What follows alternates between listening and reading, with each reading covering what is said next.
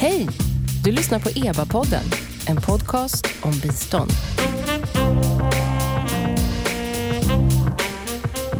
Välkomna till EBA-podden. Jag heter Noomi Östlund och den här podcasten ges ut av Expertgruppen för biståndsanalys, EBA. Det är en statlig kommitté som utvärderar och analyserar Sveriges internationella bistånd. Hur används våra biståndsmedel och vad är resultatet? Det är väl de vanligaste och kanske de viktigaste frågorna som allmänheten ställer om det svenska biståndet. Och frågor som är en del av vardagen också för de som arbetar med bistånd och utveckling. Vi har tidigare i podden pratat en hel del om utvärdering och såklart de olika utvärderingar som EBA har låtit göra. Men idag ska vi ta ett brett grepp om hur biståndet utvärderas. Vilka olika aktörer utöver EBA eh, är det som granskar och utvärderar biståndet? Hur mycket utvärdering görs? Och avslutningsvis kommer vi förhoppningsvis också in på frågor om vad utvärderingarna kommer fram till och vad det får för effekter. Med mig i studion idag har jag två gäster med en eh, härlig erfarenhet av att beställa, genomföra utvärderingen av biståndet, men också att själva bli utvärderare. Välkommen först av allt Linda Öhman. Hej! Hej! Du jobbar på Läkare Utan Gränser. Ja, precis. Vad gör du där? Jo, men jag är ju chef för eh, en av de tre utvärderingsenheterna som vi har på Läkare Utan Gränser eh, globalt. Just det, och eh, vi kommer säkert säga eh, istället MSF. för MSF, den, den internationella, inte den internationella förkortningen. Eh, Ja. Just Det det. Men du har också en lång bakgrund inom andra roller inom biståndet. Ja. Eh, Du har bland annat eh, jobbat på Kvinna till Kvinna, Röda Ja. Korset, Ja. eh, i diverse olika länder. Ja, precis. Det har jag gjort. Det har varit lite olika och FN även. Just Så det, att eh, det har varit från Bolivia till Mellanöstern och Balkan framförallt. Just det, Mm. bland annat. Så det var en- en bred, bred internationell erfarenhet. Mm. Och vid din sida, Marcus Burman, välkommen tillbaks till podden. Tack så mycket, tack. Du är ju till vardags utredningssekreterare på EBA och brukar komma till podden och prata om just utvärdering. Precis. Precis ditt, ditt ämne. Men du sitter, och du sitter ju också i styrelsen för Svenska utvärderingsföreningen, SVUF. Ja, Och eh, sen ska vi också nämna att du är författare till en kartläggning av eh, hur det svenska biståndet utvärderas som har några år på nacken ja. Den, gjorde, den kom 2015 då, så den är, från EBA. Men den Ja. är förhoppningsvis relativt eh, korrekt fortfarande. ja, vi kartlägger hela tiden så att säga. Ja. Så, mm. Ja, så ni hör, vi har en, en eh, härlig expertis här i studion och för en gångs skull tänkte faktiskt jag delta lite i samtalet också, för jag har ju också en bakgrund eh, som eh, utvärderare och granskare av biståndet, så jag tänkte försöka hoppa in lite här och var. Ja, vi tänker så här, vi ska börja lite med, med kartan om vi säger så, att ge en bild av vilka som granskar och utvärderar biståndet. För det är ju inte bara vi på EBA. Eh, Marcus, vad, vilka finns det utöver EBA? Viktiga är ju naturligtvis Sida då, som gör dels det man kallar för decentraliserade utvärderingar och som ofta beställs på landnivå eh, med fokus på enskilda program och, och projekt helt enkelt. Eh, och som svarar då mot de behov man har löpande i verksamheten. Och det skulle jag gissa, det är väl 25 utvärderingar per år, 25-30 utvärderingar som görs av enskilda program. Och sen har man ju också en, en verksamhet på Sida där man eh, gör strategiska utvärderingar, jag tror man kallar, kallar det för centrala utvärderingar också. Och det är mer tematiskt, kan vara ett brett tema som utbildning eller jämställdhet eller garantier eller någonting sånt där. Hur många sådana gör de på ett, på ett år? Eh, Det brukar vara mellan två och fem eller Ja. någonting sånt där. Så Sida gör en runt 30 utvärderingar själva om året? Ja, ungefär skulle Ja. jag säga. Men det var lite fler. Vi gjorde den här kartläggningen 2013. Då var det faktiskt fler utvärderingar. Men där, den kom ju precis där eh, i slutet av eh, Gunilla Carlssons period som eh, biståndsminister. Och Just det, det. hade ju varit en rätt så stort fokus på På granskning resultat. och utvärdering? Just det, resultatfokus. Ansvarsutkrävande. Ja. Ansvarsutkrävande, Mm. precis. Eh, och sen har vi, jag menar, nu säger jag inte bara EBA i frågan till dig, men vi kan väl säga något om EBA också? Vi gör ju också utvärderingar. Ja men precis, Sida jobbar ju med att utvärdera sitt, sitt eget bistånd så att säga. Alltså, vi är ju uppsatta då som eh, baserat på ett beslut i riksdagen eh, helt enkelt fr- från början eh, som en extern utvärderande eh, granskningsfunktion av, av biståndet. Vi gör inte bara utvärderingar men vi gör ett antal utvärderingar eh, varje år med syftet att långsiktigt utveckla det svenska, svenska biståndet och för, med rätt mycket fokus på, på lärande egentligen. Just det. Mm. Så vi har Sida, vi har EBA. Mm. Eh, Sida ger ju, ger ju pengar till, till genomförande partners eh, i alla olika partnerländer. Eh, Linda, jag tittar på dig. Mm. Eh, De genomförande organisationerna gör ju också egna utvärderingar. Absolut. Mm. Eh, Där är ju du eh, en, en sån eh, representant för, för en genomförande organisation. Hur, hur jobbar ni? Ja, precis. Så vi, jag menar, i dagsläget så tar ju inte MSF pengar ifrån, ifrån regeringen, så det är viktigt att, att, att påminna om, utan våra pengar kommer ju 90 procent ifrån individuella givare. Så våran publik på det sättet är kanske lite annorlunda, att vi inte har den här bilaterala givaren bakom oss som på något sätt och vis kräver utvärdering. Utan vi har väl då lyxat lite mer att utvärdera det vi, som, som MSF då, att vi utvärderar det vi själv vill, vill veta mer om, där vi har frågor, där vi undrar om ett projekt uppnår sina mål eller om en tematisk fråga, hur det levererar liksom mer transversalt sådär. Så andra organisationer som jag har jobbat för som då kanske har varit mer beroende av givarpengar, om det har varit Sida-finansierade eller jag har även jobbat för USAID-finansierade ja. organisationer. Mm. Eh, jag menar då, ja, då, då kräver ju givaren på ett annat sätt att man bakar in utvärdering under någon del i projektets livstid. Så vi har precis, vi har eh, helt enkelt det som, som givarna själva initierar, eh, det som de eh, liksom efterfrågar att man som partnerorganisation eh, själv ordnar med och sen det som partner eller genomförandeorganisationer ska vi säga själva initierar på eget bevåg, precis som, som, eh, som ni gör, helt enkelt har en egen eh, utvärderingsverksamhet. Eh, och då kan man säga att, ja, Ja, absolut. får jag bara lägga till något där så är det ju viktigt också just när man ser den här bilden att biståndsprojekt är ju väldigt ofta finansierat samtidigt av ganska många olika givare. Det är ju Mm. väldigt vanligt att Sidas eh, projekt finansieras också av Norge eller, eller eh, brittiskt bistånd och så vidare. Så alla de här aktörerna jobbar ju potentiellt med utvärdering. Så det finns ju också en risk egentligen för både överlappning av utvärdering och att det blir för mycket utvärdering i enskilda Mm. fall så att säga. Så att det, det finns en överlagring av nivåer i det här som potentiellt helt enkelt kan, kan utvärdera. Just det, men det, Eh, men det finns ganska mycket sam- Samma samordning. projekt så att Just det. säga. Ja, och det kräver ju då, precis som du säger, det kräver ju samordning för att man inte dagen efter ska ha nya utvärderare eh, på Som plats frågar om i samma sitt projekt saker. som frågar exakt om samma saker det. och sånt där. Så det är en viktig dimension. Just det. Verkligen. Nej, men det har jag också Mm. varit med om, absolut. Att man försöker se till att ens givare vet vad som händer samtidigt. Så att man, för där kommer ju hela den här frågan om vem man utvärderar för. Och eh, om, man, om man utvärderar för de där givarna, ja då kan ju de kanske se syftet med att det ska komma en efter en annan. Men en själv organisationsmässigt kan egentligen inte ta in så mycket kunskap. Alltså om man tänker ett treårigt program och man utvärderar en gång på mitten och en gång på slutet. Det är egentligen, redan det är rätt så mycket information att försöka ta in, anamma och, och göra någonting vettigt med. Just att, det. Plus, menar, dels, dels bara kunskaps... Eh, alltså att, att, att kunna omvandla det här till någon vettig kunskap. Plus resurserna att lägga på att ta emot utvärderare. För det handlar ju om att ställa upp på Absolut. massor med intervjuer och Mm. eh, säkerställa att de har alla dokument och sådär. Så det, ju, det tar ju mycket eh, resurser också från eh, övrig verksamhet. Så att, det gäller ju att det är samordnat. Nu, och nu, nu pratar vi lite om om egentligen utvärderingen av specifikt genomförda projekt och program. Så Sida genomför utvärderingar, EBA gör ju lite mer samlat, eh, partnerorganisationer eller genomförande organisationer i, i biståndet gör e, egna eh, utvärderingar. Sen finns det ju också ett antal aktörer, om man ser på svenskt bistånd, som gör lite mer samlade utvärderingar eller granskningar. Där har vi dels Riksrevisionen, där jag har en, en bakgrund, som gör eh, Eh, granskningar av, av all statlig verksamhet utifrån effektivitet eh, som, som målsättning. Så här uppföljer man eh, de mål som riksdagen har satt upp för en viss verksamhet och eh, de gör ju granskningar av både UD och Sida löpande.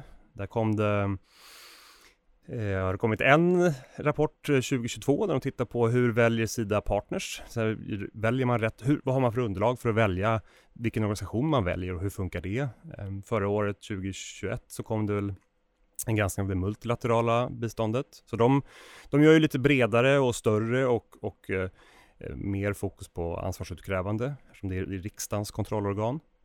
Så, och sen eh, vad har vi mer för statliga? Vi har Statskontoret som, som inte har någon löpande granskning av, av biståndet men som ju har en, eh, en roll att, att helt enkelt göra granskningar på uppdrag av regeringen och som gör det med löpande, lite, eh, eller återkommande kan man väl säga, eh, och titta på till exempel hur Sida fungerar. De tittade ju på hur, Sidas, eh, hur regeringens styrning av Sida och hur Sidas interna verksamhet ser ut 2020, tror jag de tittade. Så det är, det är också en, en viktig aktör.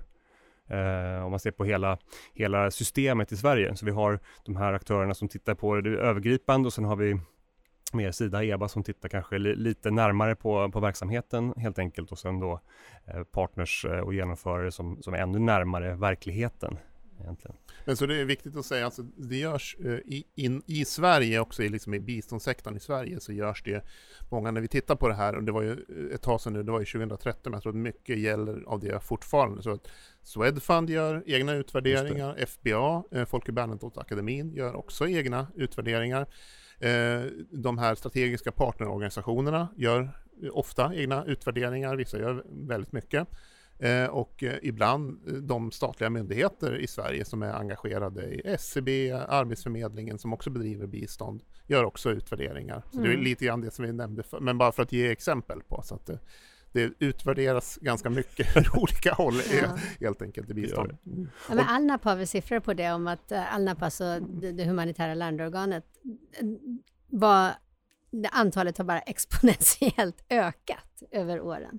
Ja, det finns en del sådana här eh, rävar inom, som mer kommer från utvärderingssektorn och som har nämnt det där också, som menar att biståndet och utvecklingssektorn i sig är drivande generellt för utvärdering som fenomen internationellt. Mm. Eh, så, att, så att eh, det är inte så att, att eh, biståndet i relation till utvärdering som fenomen är helt, utan det, många, det är en ganska viktig del. Men sen kanske vi kommer in på senare, men en viktig aspekt är att det finns ju särskilda skäl att utvärdera just bistånd i relation till andra områden. Mm. Det är en viktig, alltså varför, nu har vi pratat om en mängd olika, att man utvärderar högt och, brett, men man brukar eh, eh, prata om någonting som man på engelska då kallar för broken feedback loop och det handlar ju helt enkelt eh, inom, inom forskningen och det handlar om att vi som medborgare i Sverige, vi utvärderar i en mening vägarna, järnvägen, förskolan, skolan, hälsovården varje dag när vi är där. Så vi ser vad de levererar. Vi har en förmåga kanske då att, att se vad som åstadkoms om de gör ett bra jobb och kan ha en, en syn på det. Och det finns en, en stor granskning från medierna och så vidare. Men medierna har ju naturligtvis väldigt svårt att granska vad, och det är kostsamt också att granska vad som har hänt i Somalia kopplat till en specifik... Det, det, det, det blir helt, ett helt annat, helt annat behov mm. av, av, av, att, av att få någon form av feedback som inte finns inom de andra så, eh, liksom, politikområdena. Just det. Mm. Nej, det är väl överlag, alltså det är ett väldigt spesat område egentligen, alltså hur man jobbar med bistånd och så.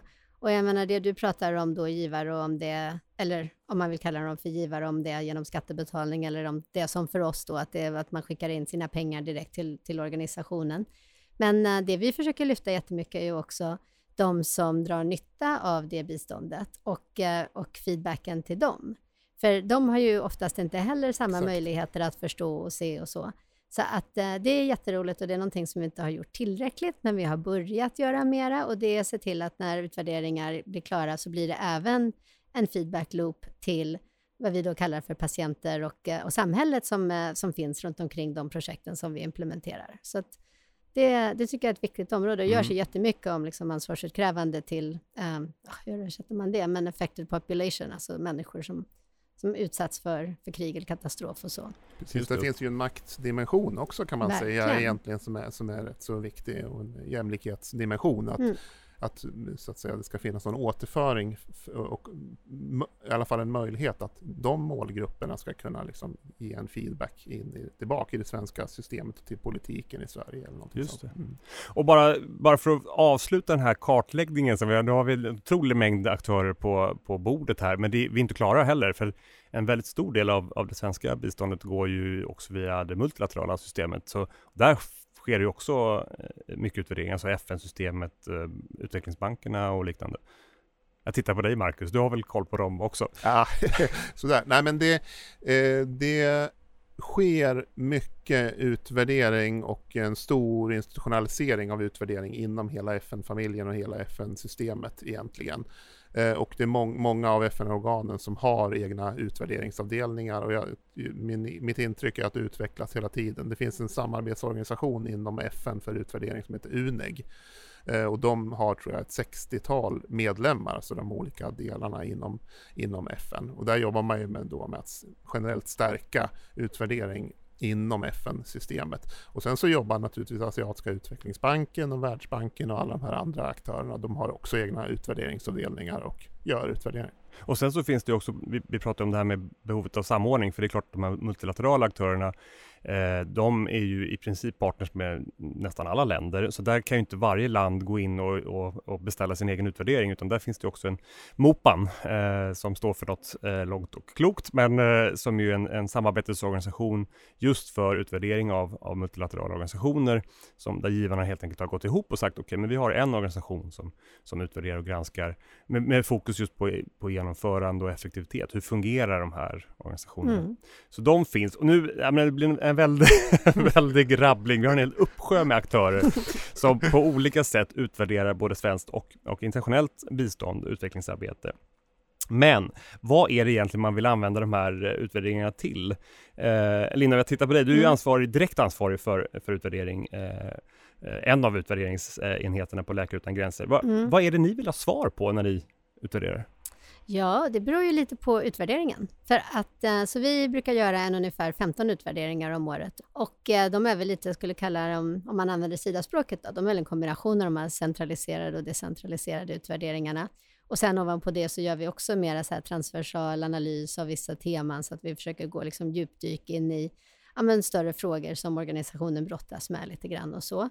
Så att eh, det som sagt beror ju helt på. Så att om det är ett projekt som kommer, ja, men då kan det väldigt ofta vara att ja, nu har vi hållit på här några år och vi, vi undrar lite vart vi har hamnat och vi försöker tänka hur vi strategiskt går vidare, går framåt. Vad, vad kan det vara ett exempel på en, på en sån liksom, ja. direkt utvärdering? Ja, men en eh, jättebra exempel var vi, vi förra året utvärderade vi ett eh, SRHR, så sexual och reproduktiv hälsa för uh, ungdomar i Zimbabwe och de hade som sagt, de hade hållit på några år med projektet Eh, och, eh, och stod liksom inför en sån här slags midterm då, klassisk, att man vägval.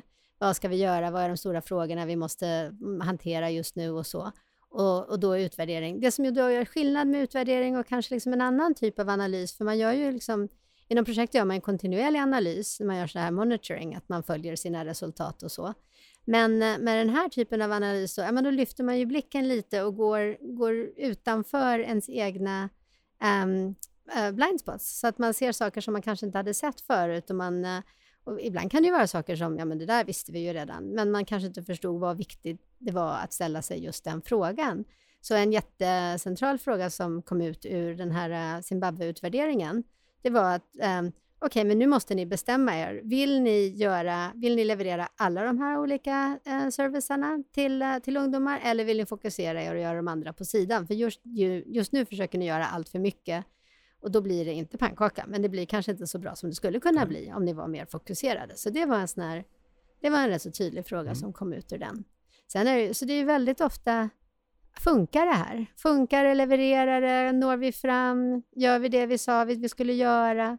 Det, Just det. Ja. Funkar det här? Är det, är det också temat på EBAs utvärderingar? Marcus, du jobbar ju ofta med, med de utvärderingar som EBA gör. Ja, vi försök, alltså e- en, en viktig aspekt av frågan om, om det funkar, det handlar ju om eh, då eh, också kanske den svåraste frågan för utvärderare. Det är ju de långsiktiga resultaten av insatser, speciellt jag menar i relation till exempel till långsiktigt utvecklingssamarbete. Då, eh, det kan ta eh, längre tid att bedöma, eh, så där har ju vi en, en viktig roll. Det är viktigt också att det, det finns parter i systemet som fokuserar på de mer långsiktiga eh, kanske fattigdomsrelaterade frågorna till exempel. Och vi har ju försökt också titta på på makronivå till och med vad som är effekterna av demokratibistånd och annat. För det är oftast inte alltid fokus i, i de här andra utvärderingarna som görs mer efter behov så att säga. Och den kan ju vara lite svår, för att jag menar, vi som organisation jobbar ju humanitärt, så vi är inte riktigt, där kommer vi kanske landa lite fel, men vi är inte jätteintresserade av långsiktiga resultat. Ja. Så, det, så då blir det ju mm. liksom något av en mm. annan sak. Utan, däremot så kanske vi, det vi tittar ju på lite är ju så här, um, men att det inte bara blir ytlig aktivitetsräknande, att man mm. inte räknar, okej, okay, hur många patienter kom in, utan och då kommer man till den här jättespännande frågan i utvärdering som inte alls är så enkel som den låter. Och då är det ju, eh, förbi funkar det, så är det ju, är det bra? Mm. Och då är det ju, ja, är det, är det bra det här då? Och då är det, vem är det bra för? Det är ju nästa, det är, ja, det är så spännande att man blir bara helt, ah, men eh, så, ja, är det, är det bra att eh, vi har behandlat så här och så många? Och är det bra för oss? Är det bra för samhället? Är det bra för, ja. Just det. Mm. Ja, och det, det, där är ju, tänker jag, precis så, svårigheten att komma åt det.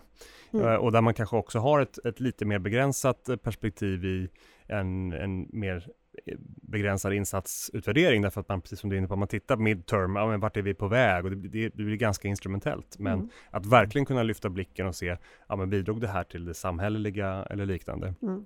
Jag vet Linda, när vi pratades innan så nämnde du att nu gör ni en utvärdering av era utvärderingar. Mm. Va, vad är det ni vill veta då?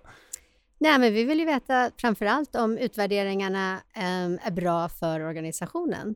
Så landar de rätt? Och eh, det är ju rätt så vanligt, eh, jag menar vi inspireras jättemycket av eh, det du nämnde Marcus, UNEG och deras eh, olika ramverk och, och, etiska riktlinjer har vi anammat och så vidare. Men då är det här tanken att man har ett kvalitetsramverk för sina utvärderingar. Så vad är det som man vill uppnå med sina utvärderingar? Och det har ju inte vi. så då blir det ju svårt, vad ska vi utvärdera våra, våra utvärderingar mot? Men vi har tittat på det här med eh, värdena som vi utvärderar utifrån, eh, metoden som man använder och om det används eller inte. De tre. För att hur, eh, hur, vad är viktigast och hur hittar man liksom en fin symbios mellan de här tre? För att det finns nog de på, på, på MSF som skulle säga att ja, men om vi har använt en utvärdering, då var den ju bra. Men om metoden var kass och vi egentligen inte är helt säkra på resultaten, jag menar hur bra var den då egentligen? Så vi vill ju komma ett steg närmare åt att förstå, men vad är det viktigast i balansen mellan de här tre frågorna? Och det intressanta är ju hittills då som har kommit väldigt mycket, det är att ja, men i det här preliminära som vi har tagit fram hittills, vi är verkligen mitt uppe i den och resultaten kommer inte förrän slutet på oktober. Men, eh, ja, men metod är viktigt. Det tycker folk är viktigt. Det är bra att man har en, en metod, för folk är väldigt oroliga om objektivitet. Eh, användning, oerhört viktigt. Vi är ju en organisation som liksom känner att det viktigaste är att bara göra någonting, oftast. Det här med värden, den har liksom inte riktigt... Ja, men det är lite spännande. Folk, tycker inte, folk förstod inte riktigt, ja, men vad ska ni titta på det för? Och då tänker jag ibland att det kanske har att göra med att vi har en massa läkare som ju vet vad som är bra och tänker utifrån sina värderingar av att det här är en medicinskt vi gör, vi vet vad som är bra och dåligt. Och då kommer den här frågan om de vi faktiskt behandlar, om de tycker att det är bra. Vad är deras värderingar och hur mycket tar vi in det i? Så det, det är ju det vi vill veta och framförallt, jag menar som de flesta utvärderingarna, så vill vi egentligen bara sätta igång en konversation. Vi vill ju ta fram en bas för att kunna prata utifrån. Just det. Och det, det, här är ju spännande för nu, nu är du inne och liksom, eh, eh, berör någonting som, som jag tänker är en, en, en väldigt viktig fråga inom, inom eh, utvärdering inom biståndet men allmänt. Liksom hur mycket användning får man för alla de här rapporterna? Alltså vi har ju, vi har ju hört om, om hur många aktörer det är som, som utvärderar och det finns olika perspektiv och Vissa fokuserar på lärande och andra på ansvarsutkrävande. Men, men vad är era erfarenhet från att, att utvärdera, att bli utvärderad och beställa? Hur, hur mycket användning är det av från de här utvärderingsrapporterna inom biståndet? Eh, det är nog lite blandat. Alltså det, det, är en rätt svår och komplex fråga att besvara. Jag tror om man tar till exempel eh, Sidas utvärderingar kopplat till enskilda projekt så skulle jag tro att de till viss del används. För det är kopplat till ett specifikt behov i insatshanteringsprocessen och så vidare. Eh, sen så eh, när det gäller mer bredare och mer eh, till, eh, strategiska utvärderingar, den typ av utvärderingar som, som EBA gör, så tror jag att det är oftast är mer av ett långsiktigt lärande ofta som ligger i fokus. Min egen erfarenhet eller mitt eget intryck som jag inte kan belägga det är att det här eh, målet om accountability som alltid har funnits med, det eh, kan jag ibland undra lite hur effektivt utvärdering är som instrument för att åstadkomma accountability.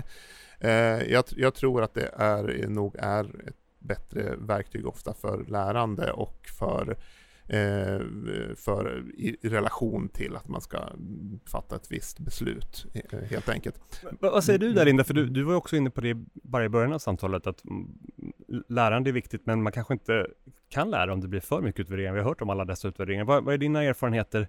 Är det lärande, ansvarsutkrävande, accountability eller vad, vad och hur väl ja, används de? Ja, men, uh, vi har en klok, jag har en klok kollega i enheten och han sa en gång, men kan man egentligen lära någonting om man inte är accountable i alla fall till sig själv? Så att det hela, den är ju rätt så spännande och då blir det ju den här liksom, ja men, eh, vem, vem, ber om, vem ber om utvärderingen? Vems intresse är det att sätta igång utvärderingen? Och det kan ju vara så här ibland att om en bilateral givare sätter igång en utvärdering, när, jag menar så som det har jag ju varit med om, mm, att jag har blivit utvärderad och det har, jag har inte fått säga någonting om vem som skulle utvärdera. Jag har inte, sagt, jag har inte fått säga speciellt mycket om vilka frågor det skulle liksom fokusera på och så vidare och så. Men sen har jag ju ändå kunnat använda produkten på, på vissa sätt och så där. Men jag tror just den här frågan från början om liksom, ja, men ansvarsutkrävande är inte en dålig sak om man kan tänka och förtydliga för vem.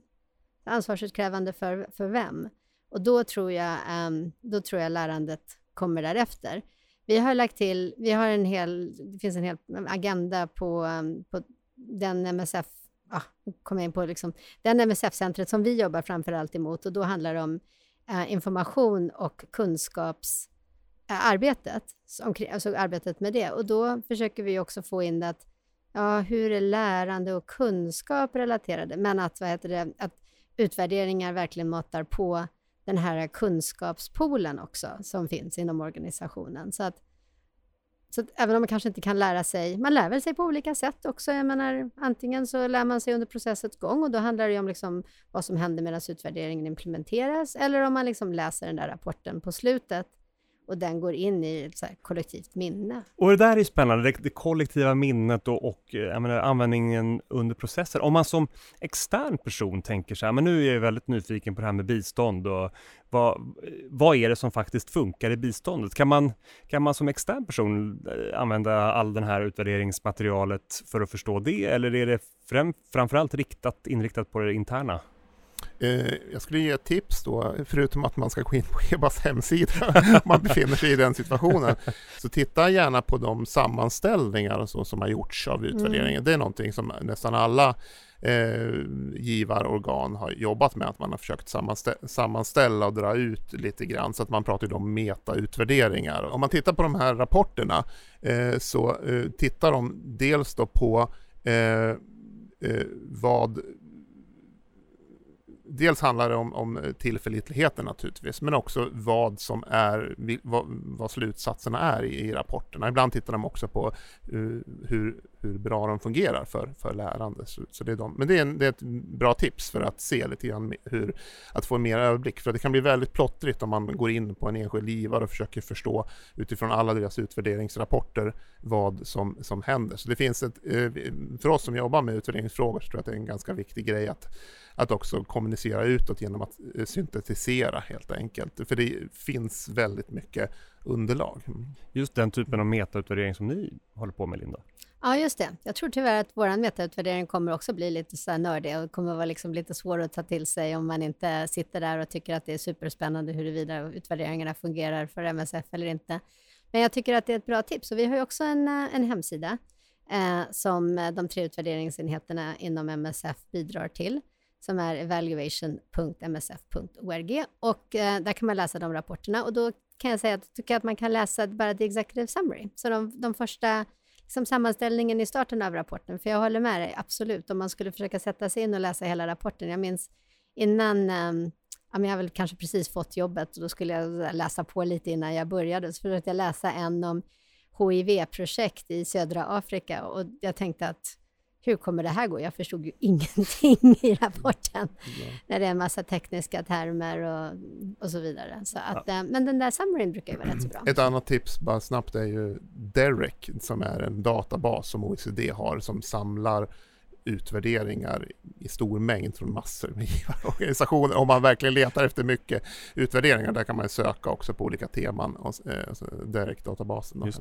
Och om vi nu försöker samla ihop oss här och, och, blicka framåt. Vi har, vi har en mängd aktörer som gör en mängd olika utvärderingar. Eh, vi har fått tipset att, att man kan leta databaser. Kanske inte realistiskt att försöka läsa alla, men man kan se på vad det finns för, för executive summaries. Men om ni skulle nu som, som då experter på det här, vad, om ni vill få förändra någon sak inom, inom hur, hur bistånd och utvecklingsarbete utvärderas, vad, har ni några har ni några förslag? Um, en sak som jag sitter här och tänker på och det är ju just det här med liksom hur bra utvärderingarna är. Och eh, det är ju, menar vi, med våra 15 utvärderingar, jag menar, i alla fall två går ju åt skogen varje år, minst, för att olika anledningar, om det var att vi fick dåliga utvärderare eller om projektet inte engagerar sig eller det var otydligt vad vi egentligen ville från början och så. Men ehm, Alltså det här att bara göra utvärdering, när man, det här, vi kallar dem antingen så här, trycka på knappen utvärderingar eller plug and chug, där man bara liksom matar in OECD-DAC-kriterierna rakt på. Kanske inte ens har så här riktigt utvärderingsfrågor egentligen. Och det bara kanske är just den här externa bilaterala rösten eller någon som är intresserad av resultaten. De är, kan vi inte göra lite mindre av dem kanske? Ja, ja. Alltså det är ju lite det är helt klart att vi rabblade upp här då en mängd eh, utvärderingar och utvärderingsfunktioner inledningsvis. Men i praktiken så är det ju en kvalitetsfråga, inte en kvantitetsfråga, eh, tycker jag. Mm. Eh, och kvaliteten i hela processerna för att de ska kunna komma till användning. Men också en, en, någonting annat som du har varit inne på tidigare som har varit över tiden och de viktigaste begränsningarna är också att det funnits ibland eh, tillförlitlighetsproblem i utvärderingar. Eh, om jag, särskilt skulle jag egentligen säga när de har gjorts av konsulter, det får jag säga för jag är själv utvärderingskonsult. Eh, och, eh, eh, men sen lärande är, är ofta en, en, en, utmaning också. Men, men jag tror att eh, utvärderingscommunityt också inom biståndet kommer att behöva eh, steppa upp och leverera lite bättre faktiskt. Alltså det, finns mer också av en kritisk diskussion mm. kring utvärdering och den, ofta så förs den eh, diskussionen också bland utvärderare. Det märker man när man går på internationella utvärderingskonferenser. Alltså att, eh, utvärdering är inte lösning på all världens problem inom biståndet utan men det är ett, ett bra instrument att använda ibland. Och slutsatserna i utvärderingar ska vara så tillförlitliga som möjligt och de ska vara anpassade till processer så att de verkligen kan komma till användning och sådana saker. Annars är det inte så meningsfullt. Två saker jag tänker när, när jag lyssnar på det är jätteintressant för att eh, det här med kvalitet då och att då göra arbetet som organisation att förstå vad det är som kommer kunna tillföra kvalitet inom era utvärderingar, vilket ju är varför då vi gör den här metautvärderingen för att förstå bättre liksom, okej, okay, vad, är, vad är det som är kvalitet? Och sen det andra, um, jag menar, det här med decentraliserade och centraliserade utvärderingar och när man har en utvärderingshandläggare som faktiskt jobbar med, det är ju faktiskt ändå ett område där det finns expertis och folk förstår. Det, det här att vem som helst kan göra en utvärdering och man kan slänga ihop lite frågor och sådär, det går ju inte riktigt och så. Så att jag tror vi då som har lyxet att ha den här utvärderingsenheten med tre människor som handlägger utvärderingar, alltså som kan, som kan pusha konsulter, som kan föra dialog, kan jobba stenhårt med att försöka engagera projektet så att folk verkligen är med på bollen och förstår vad det är som kommer att hända om de aldrig har varit med i en utvärdering förut. Jag tycker, ja, det är väl kanske inte konstigt att jag säger det, men jag tycker det är resurser bra spenderat. Ja. Så. Mm. För vi söker ju verkligen alltså en dialog och ett partnerskap med konsulterna som kan driva processen förbi det här att ja, det var så dåliga indikatorer så vi kan inte säga någonting om resultaten. Nej, men ta ett steg till och tänk till en vända till. Det där accepterar jag inte som, eh, som uppköpare helt enkelt. Nej, det är det gamla klassiska problemet som man ofta har man sagt lite trött sådär att ja, utvärderingar tenderar att hamna på hyllan och bli mm -hmm. hyllvärmare och sånt där. Så att jag, jag, jag, håller med dig jättemycket. Jag tycker att det är väldigt viktigt att det finns en feedback hela tiden i systemet gentemot de som gör utvärderingar. Tycker de som jobbar på Läkare Utan Gränser att det här är bra rapporter och, och att utvärderarna får den feedbacken helt enkelt hela tiden. Att det finns, finns en diskussion om, om kvaliteten och slutsatserna och så vidare. Eh, då tror jag det kan bli bra. Liksom. Ja, ni hör kära lyssnare, det är raka rör. Det ska vara eh, färre och bättre utvärderingar. Det borde ställas högre krav på de som genomför utvärderingar. Man borde ha expertis när man beställer eh, för att helt enkelt få ett bättre, bättre användning för för de här utvärderingarna som, som ändå görs. Eh, och med det, eh, dessa framåtblickar och krav, den här kravlistan, eh, så tänker jag be att få tacka för det här samtalet. Tack Marcus Burman, utvecklingssekreterare på EBA. Tack så mycket. Mm. Och tack också Linda Öhman från Läkare Utan Gränser. Tack! Och om du som har lyssnat blir nyfiken på EBAs kartläggning av utvärdering av svenskt bistånd så finns den såklart att läsa på eba.se. Där finns också en mängd EBA-utvärderingar, bland annat en utvärdering av Sidas utvärderingar som Marcus har författat. Och på vår webbplats eva.se finns såklart eh, våra andra rapporter, tidigare poddar och seminarier. Jag heter Noomi Östlund och tack för att ni har lyssnat på EBA-podden.